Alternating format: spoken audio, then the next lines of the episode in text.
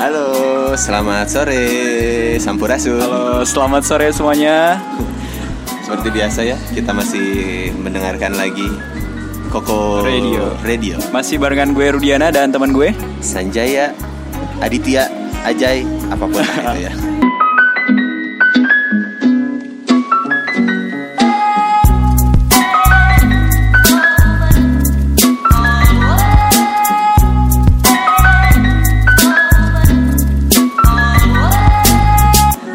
Pada episode kali ini, oh iya, Episode 3 berarti ya? belum nanya kabar nih, udah lama nih. Iya. Sejak episode terakhir kemarin, episode 02, udah berapa hari yang lalu nih. Sebulan kayaknya Sebulan ada. Sebulan kayaknya ada. Soalnya masih pada eu- euforia episode 2 ya. Episode 2 masih belum move on Gimana? ya alhamdulillah sih, pendengarnya masih ada Lumayan lah ya dan masih banyak yang nanyain sih. Eh, eh, next episode kapan nih? Eh, walaupun teman sendiri. Sudah mulai terkena star-star syndrome kita ya Oke deh, eh, episode 3 ngebahas apa nih? Ngebahas yang lagi viral enak nih kayaknya deh. Eh, enggak deh. kemarin? Enggak, enggak. Yang Persib Oh. Persija itu. Yang itu gimana ya? Susah sih kalau itu mah. Banyak yang bahas. Banyak yang bahas, udah banyak yang bahas lah kita bahas yang lain aja kayaknya. Eh, gue sih pengennya gini, eh, episode Gimana, 3 gimana? ini eh, gue pengen eh, nge apa lebih banyak. Gue mau rubah formatnya dikit. Gimana Jadi nih? eh, gue ada yang mau gue bahas, tapi gue lebih banyak nanya ke lu. Kok bisa gitu sih? Kenapa Eh, nih? eh, karena gini, eh, gue Kan pengen- tadi di briefing bukan gitu, Jay. Gimana Nggak, nih? Gini gini gini. Gue pengen bahas kayak gini karena eh, bahasan kali ini tuh gue Oke. pengen dengerin da, apa namanya? Pengen dengerin eh, dari sudut pandang lu gitu. Oke. Karena kan eh, lu kuliah ya sekarang, jadi gue pengen sedikit tahu eh, hal yang terjadi dari eh, sudut pandang lu aja. Tentang gitu. apa nih? Tentang apa? Gue pengen bahas soal eh, passion lu Passion. Sama. Passion pakai P ya. pakai pe- pakai pe- Passion. passion passion kalau bahasa Indonesianya apa ya Eh, Lebih ke jati diri gitu ya. enggak Atau jati gimana? diri. minat minat Oh ya minat. minat bukan cita-cita sih tapi minat lebih minat. Minat. gitu lebih minat terus sama sedikit ngebahas tentang idealisme lu gitu Oke, idealisme ya. Oke. Duh, Barang mahal tuh idealisme. iya oke sekarang gini deh Gimana gimana? gua mulai ya Oke. Jadi Oke. gue nanya doang nih. Eh nanya Lu doang. jawab aja, doang. gue yang jawab banyak doang. nanya. Siap. Eh, gini eh, lu kan kuliah Ya. lu kan kuliah Eh, nanya dulu deh kuliah lu jurusan apa Eh, sekarang gue lagi kuliah jurusan manajemen. Manajemen. Manajemennya manajemen apa nih? Manajemen bisnis, manajemen kolbu, manajemen apa? Kalau gue sih lebih fokus ke manajemen eh, apa pemasaran. Tadinya sih mau MSDM ya, cuman MSDM tuh ada beberapa hal sih yang yang maksudnya kalau gue sih orangnya lebih ke misal nih ada suatu bahasan atau apa topik, oh ini biasa aja nih banyak yang banyak yang minat. Nah gue itu kebalikannya pengen yang orang-orang tuh belum banyak yang minat gitu kayak pemasaran kayaknya menarik nih soalnya eh, apa belum ada gitu belum banyak istilahnya kayak gitu Ah, jadi eh, gua gua pikir lu masuk DKV atau Vkom gitu ya. Oke. Eh, sebenarnya sih pengen banget tapi ada satu dua hal yang nggak nggak nggak masuk ke jurusan Oke itu oke, ntar itu gua tanyain lagi Oke. nanti ya. Oke. eh, sekarang lu di manajemen pemasaran. Ya. Manajemen pemasaran eh, otomatis kan oh ya, kita kan kerja di retail ya. Kita berdua ini kerja di retail ya buat para pendengar yang belum tahu. Kita ini kerja di retail berarti si jurusan pemasaran ini sebenarnya eh, Nyambung sih. nyambung nggak sih sama ngebantu banget nggak eh, sama Oh, iya. pekerjaan lu? kalau di retailnya sih secara umum di retail pemasaran itu bantu banget pasti cuman kalau di pekerjaan gue nih gue kan emang di retail cuma dalam artian lebih ke supportnya lebih ke merchandising jadi bukan ujung tombak kayak yang sales kayak gitu bukan cuman seenggaknya mensupport untuk si barang ini terjual kayak gitu lebih ke merchandising kayak ya harga-harga kayak gitu mensupport lah tapi secara nggak langsung itu membantu penjualan seperti itu ya ada ada apa nyambung nyambungnya lah ke pemasaran Nah, nah, nah, nah. I- gue kan nggak tahu ya. Gue oke, gue gue nggak kuliah gitu. Jadi gue nggak tahu sebenarnya lu tuh eh, kuliah di pemasaran ini yang dipelajarin apa aja sih?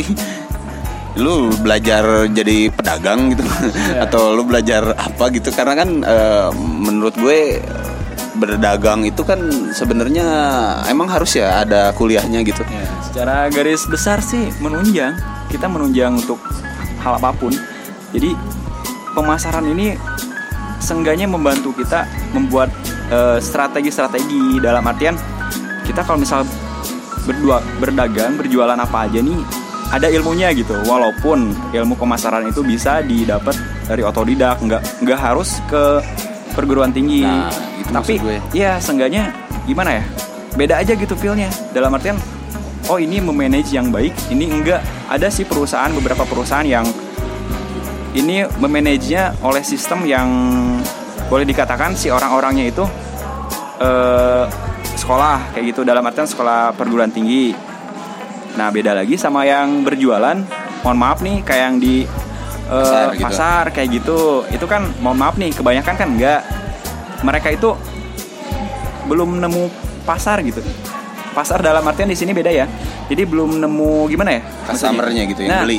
customer yang beli seenggaknya kan kalau zaman sekarang itu berjualan gak harus di pasar ya Iya benar. dalam makanya. artian kan kita media online media eh, online tuh udah banyak lah kita nggak punya lapak juga bisa kan berjualan nah strategi itu ada dipelajari kayak gitu jadi mengikuti arus zaman lah kayak gitu kebanyakan Tapi berarti eh, si jurusan ini mempelajari semuanya ya. Maksudnya teknik-teknik berjualan yang baik, terus Iya. teknik kalau advertisingnya belajar juga gak sih? advertising ada cuma pengantar sih nggak nggak sampai basic Oh nggak basic nggak doang nggak dipelajari lebih dalam gitu. Nggak, itu beda lagi kali ya jurusan. iya itu beda lagi Nah, eh, oke lah cukup soal ngebahas itunya. Eh, yang mau sebenarnya yang mau gue tanyain ini adalah lu kuliah di bagian manajemen pemasaran. oke. Itu sebenarnya udah sesuai dengan minat lu nggak sih? Sesuai dengan passion lu nggak sih? Karena gini lah eh, kadang kan eh, orang itu kuliah cuman dua. Yang pertama sesuai dengan keinginannya. Yang kedua adalah kalau nggak disuruh orang tua berarti dia cuman ngikutin eh, apa ya eh, nggak nggak nggak temen. Jadi cuman ngikutin oh ini nih gue kalau gue masuk ke jurusan ini tuh banyak yang nyari nih perusahaan. Eh, gue pasti nyari kerjanya lebih gampang nih gitu. Tapi itu walaupun gak sesuai dengan hati lu akhirnya dia masuk ke situ dan maksain di situ biar eh, ya biar bisa kerja aja nantinya gitu. Nah lu sendiri gimana? Jawabannya nomor dua. Biar bisa kerja lebih baik berarti eh, lu masuk jurusan manajemen ini nggak sesuai passion dong ya? nggak. Sesuai nggak sesuai jauh, hati. jauh banget. Isinya istilahnya jauh banget dari minat gue sebelumnya. Gue kan lebih kalau orang tuh kan ada sisi seni sama sisi apa tuh yang hitungan tuh? Otak kiri otak kanan kan beda ya? Nah, logika sama apa seni ya? lah intinya. Iya, itu. nah kalau gue sih orangnya lebih ke seni sebenarnya. Kalau kerjaan sekarang sih pas banget kerjaan di retail sekarang.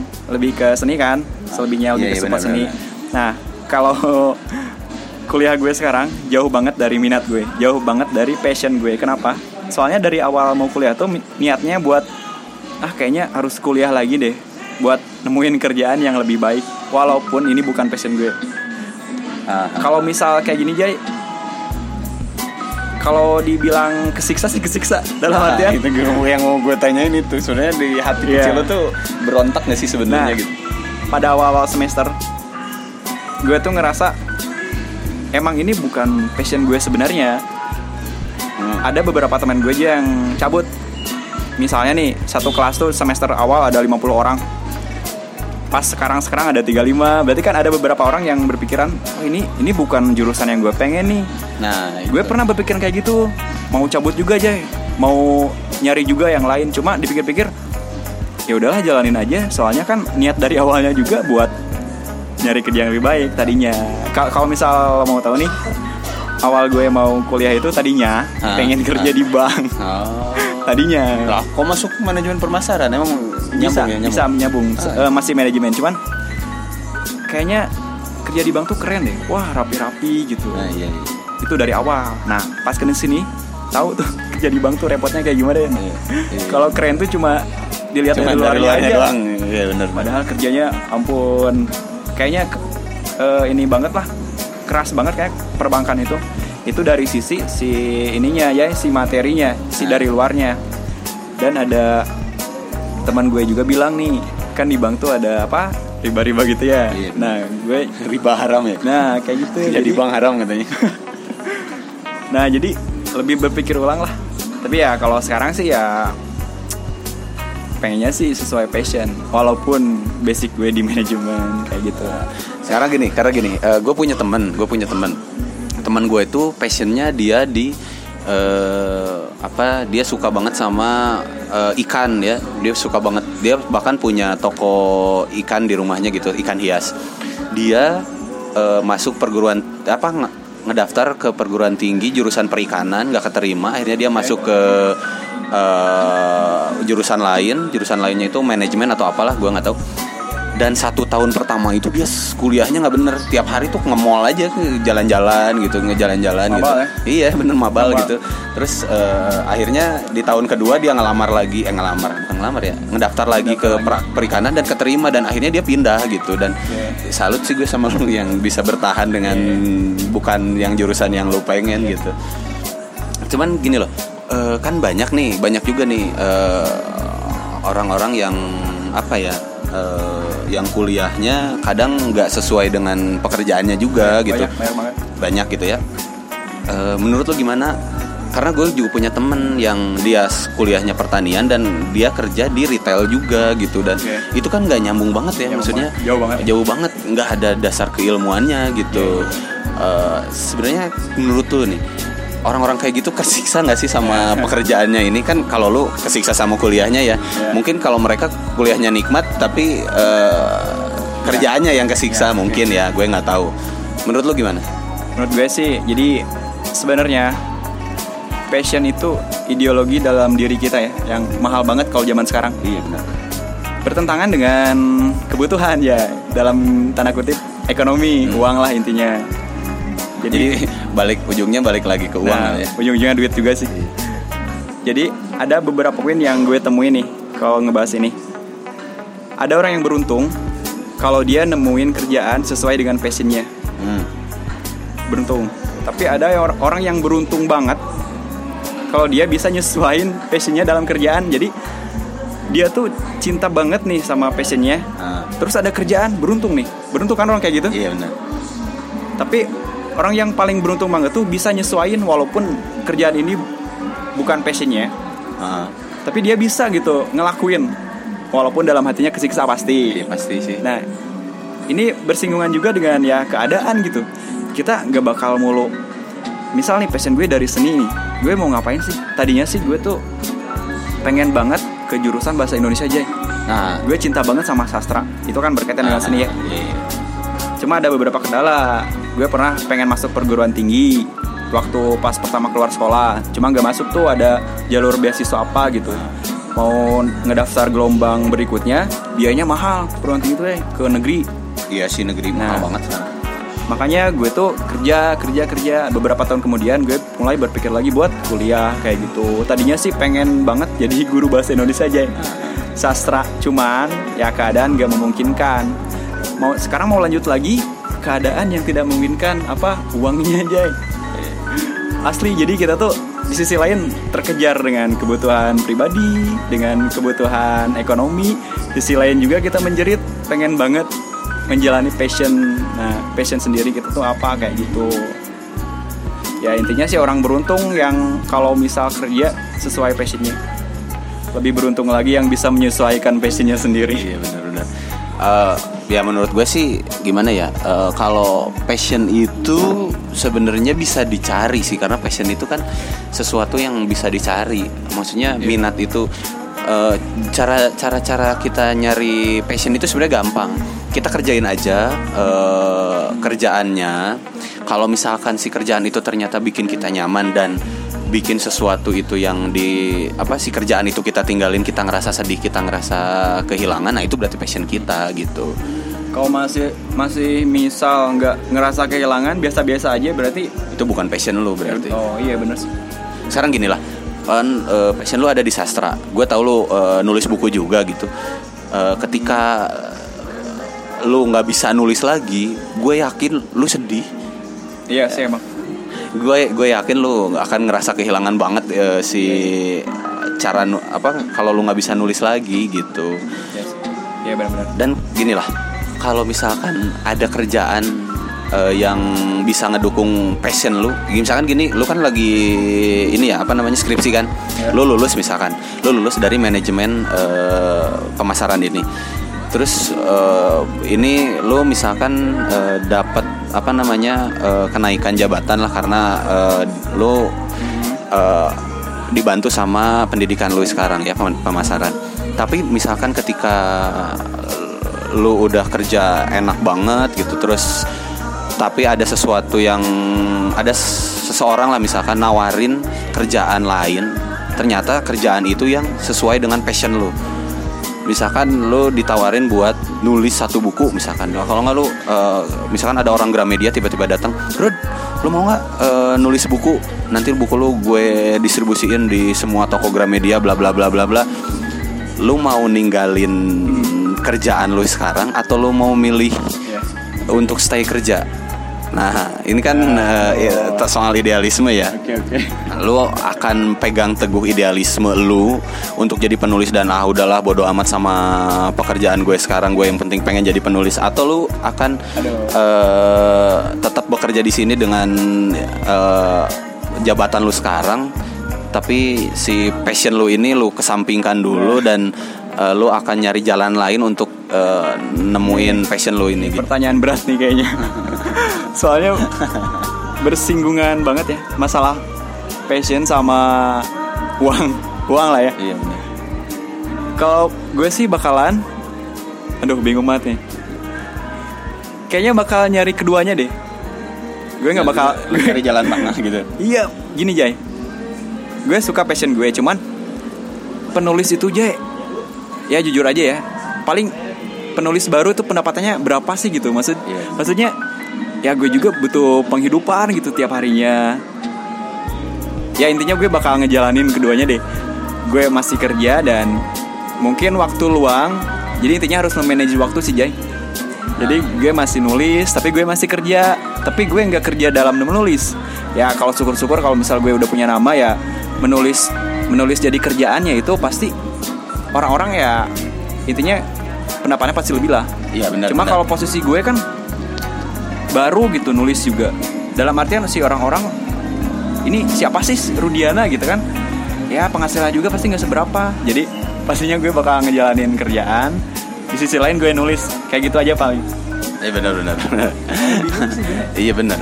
Pasti pasti bingung sih, pasti bingung karena memang kalau menurut gue sih penulis itu kan masih belum bisa jadi Nah, eh, apa ya pe- Peng- sumber penghasilan, ya. penghasilan utama lah ya penghasilan utama nulis paling berapa gitu kan? Jadi ah bingung juga sih. dan belum belum tentu juga bukunya laku. Nah itu ya Nah itu yang paling penting itu Ya intinya sih zaman sekarang gitu Kalau nggak ada uang gimana sih Kita kan bingung juga kan Iya Ya benar. ujung-ujungnya duit lah Iya benar. Ya kayak eh, kayak gini lah intinya Lo cinta sama seseorang Tapi lo belum tentu nikah sama dia nah kayak gitu kan? Nah, itu benar. Yang paling beruntung tuh yang Lo nikah sama orang yang lo cintai Nah, itu Bener kan? Benar benar benar. benar. Dalam kerjaan itu sama kayak gitu Gimana ya? Eh, kalau menurut gue ini kalau kata Rian Ardiandi eh bukan kata Rian sih ini kayak kata Ardiano Colby Hmm. eh, idealisme itu adalah hal yang paling mewah yang dimiliki oleh anak muda. Zaman sekarang? Jangan enggak semua anak muda. Karena kalau masih muda itu masih belum banyak pikiran. Maksudnya kalau kayak gue gue nggak mungkin mempertahanin idealisme gue sementara eh, Iya. ke dapur ya harus ngebul Harus ngebul, gitu banget. kan. Kalau zaman sekarang kayaknya susah sih Susah Kayak banget. susah sih gue ngepertahanin Eh, makanya- idealisme. ya, makanya gue proud banget lah. Intinya keren banget orang-orang yang mempertahanin idealisnya Eh, tapi dia tuh berpenghasilan dengan idealisnya itu sendiri dalam artian passionnya itu sendiri kayak yang berani keluar kerja demi apa gitu berani keluar kerja demi apa gitu kan Nah, ada kan orang kan belum belum belum tentu sukses juga ya Ya. kalau keluar kerja gitu. intinya sih keberaniannya kalau berani memperjuangin passion lu pasti passion lu nolong tapi kalau posisi gue sih belum bisa belum, kayaknya. belum yakin belum belum yakin harus yakin sih emang harus yakin sih idealisme mah Iya. beneran hal yang paling susah sih. Paling zaman sekarang mewah banget. Kalau misalkan bisa mempertahankan idealisme. Iya. Eh, lanjut deh. Eh, kan di tempat kerja gue juga ada yang kuliah juga ya. Hmm. banyak lah yang kuliah bukan ada. Tapi banyak lah.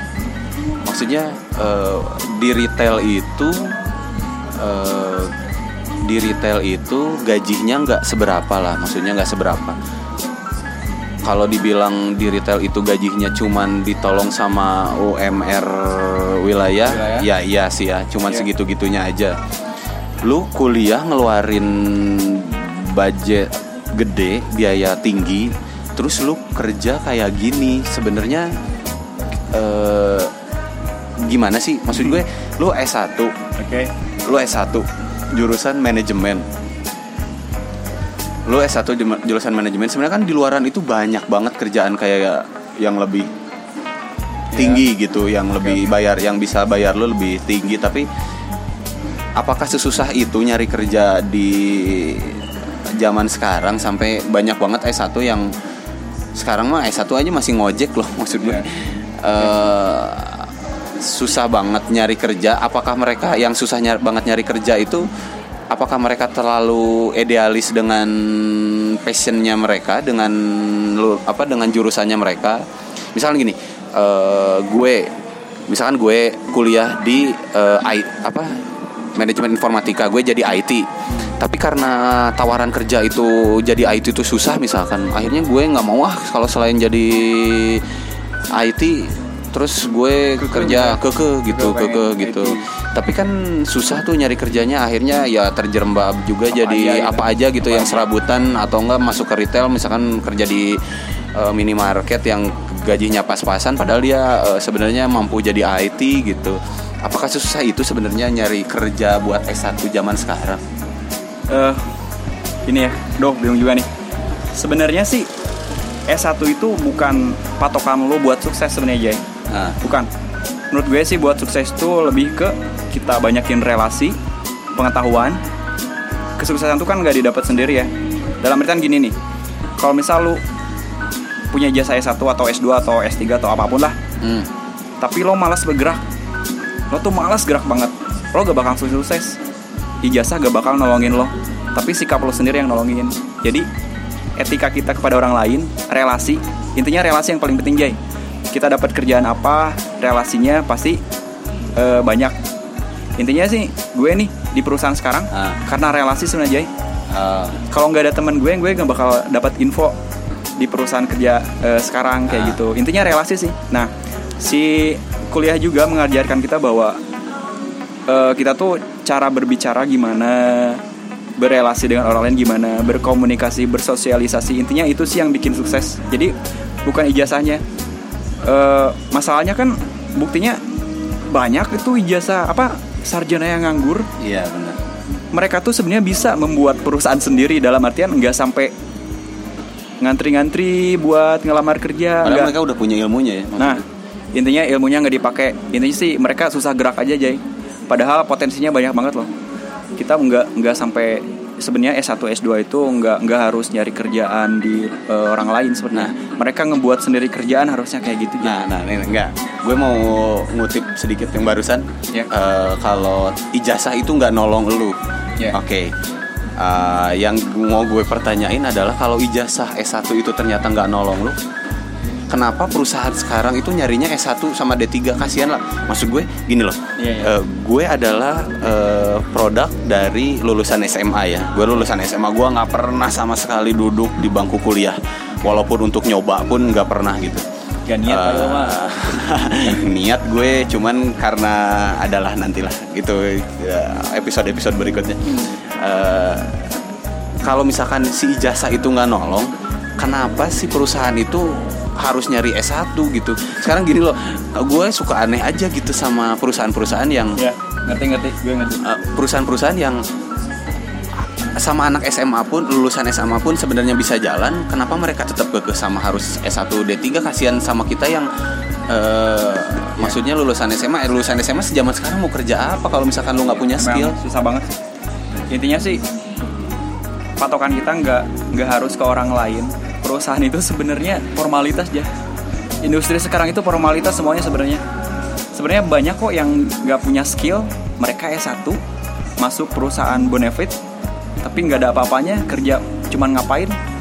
Jadi mereka tuh formalitas sebenarnya.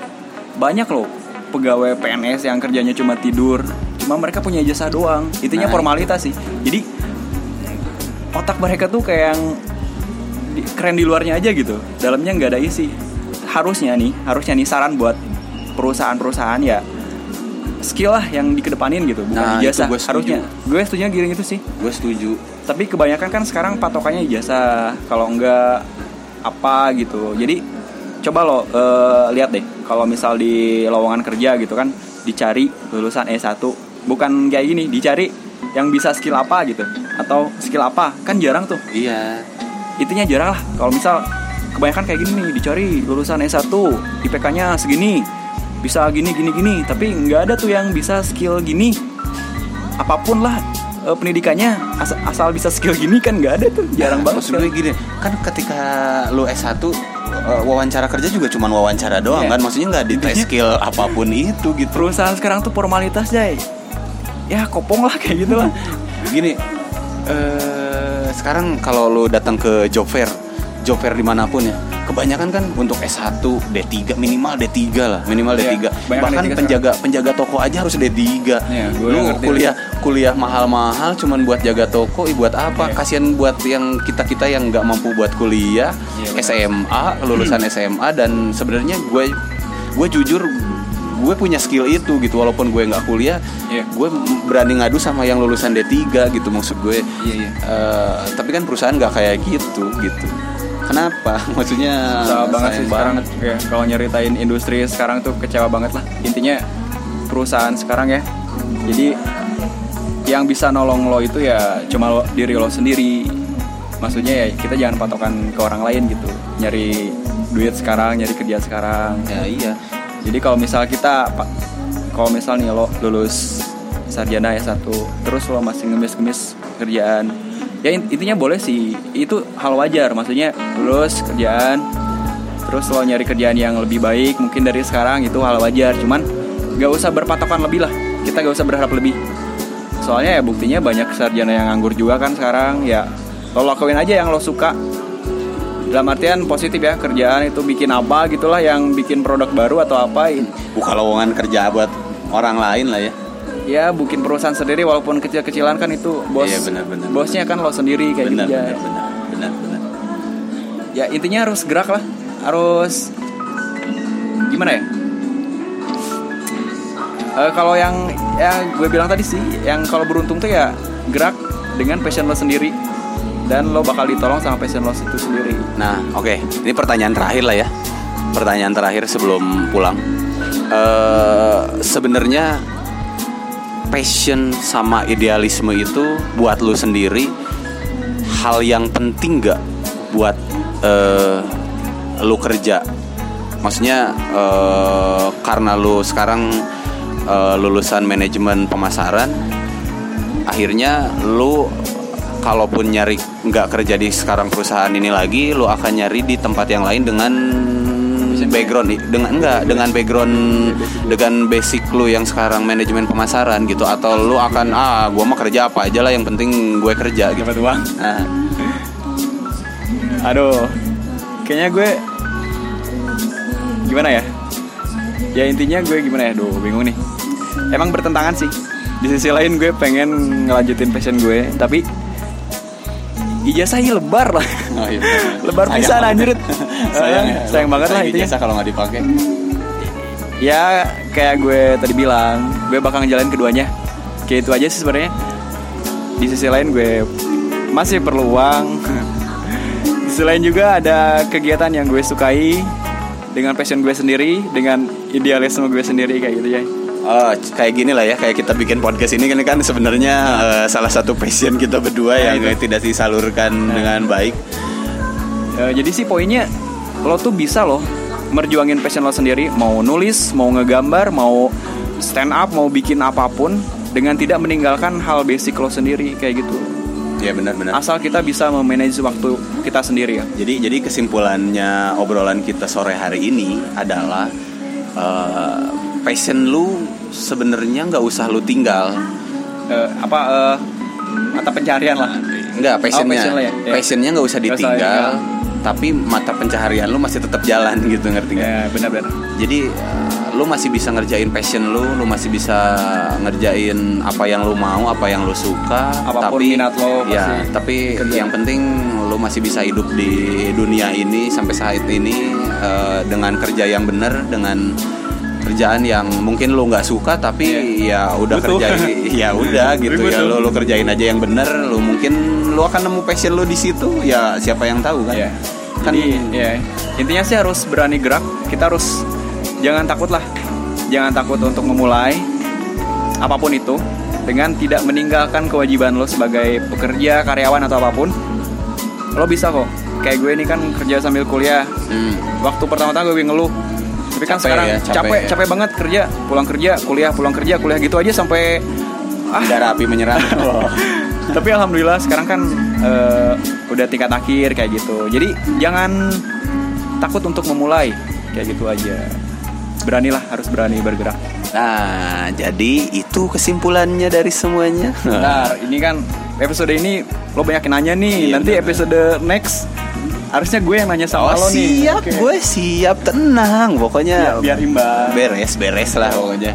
Next episode lah ya itu, next episode. nanti gue tanya-tanya Nah, si sebelum Ajay sebelum kita pulang, sebelum kita pulang, kita ada eh, satu Biasa, segmen biasa terakhir. segmen terakhir. Segmen Oke. terakhirnya di antara dua pilihan. Oke, siap. apa nih di antara dua pilihan sekarang Oke, eh, udah siap belum? oke oke Oke. iPhone atau Android? Wah, itu adalah pertanyaannya. Oke, Dijawab jawaban nih, di tiga, dua, satu, satu eh, hitungan ketiga ya. Oke. Satu, dua, tiga. Android. Wah. iPhone Jay Lah, kenapa lo Android?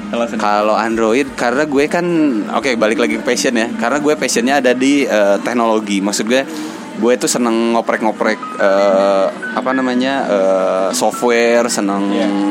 ngobrak-ngabrik software, ngelihat dalamannya software gitu. Dan Android itu kan sistemnya open source ya. Maksudnya open source itu dia bebas, bebas bisa diotak-atik kayak gimana. Dan Android itu sebenarnya enak banget sih buat dioprek bis gue tuh pernah punya handphone sampai gue otak atik semua dalaman softwarenya sampai rusaknya gitu dan ya Android menurut gue lebih menyenangkan daripada iPhone sih. Lu sendiri iPhone kenapa? gue terima alasannya cuman kalau alasan lo buat teknologi yang sangat tinggi iPhone malah lebih tinggi loh ya Tapi ribet men. enggak. Ya ribet. Soalnya lo itu pakai Android. Pakai iPhone dulu dong jadi nggak ribet. Di sisi lain iPhone tuh wih keren banget. Apa eh, brand branded banget. Siapa sih yang nggak keren pakai iPhone gitu kan? Eh, di foto depan kaca ada biar logo kelihatan- iPhone biar iya. kelihatan apelnya doang gitu mah. Nah, Jadi te- tapi teknologinya juga nggak kalah sama Android ya. Iya sih. iPhone itu. Iya sih. Nah, sekarang pertanyaan terakhir dari gue. Handphone lu apaan? Apa gue Android sih? Oke deh kalau gitu kita pulang dulu ya. Oke, Kita selamat sore ya. semuanya. Iya. Terima kasih buat yang udah ngedengerin. Ya, assalamualaikum. Assalamualaikum.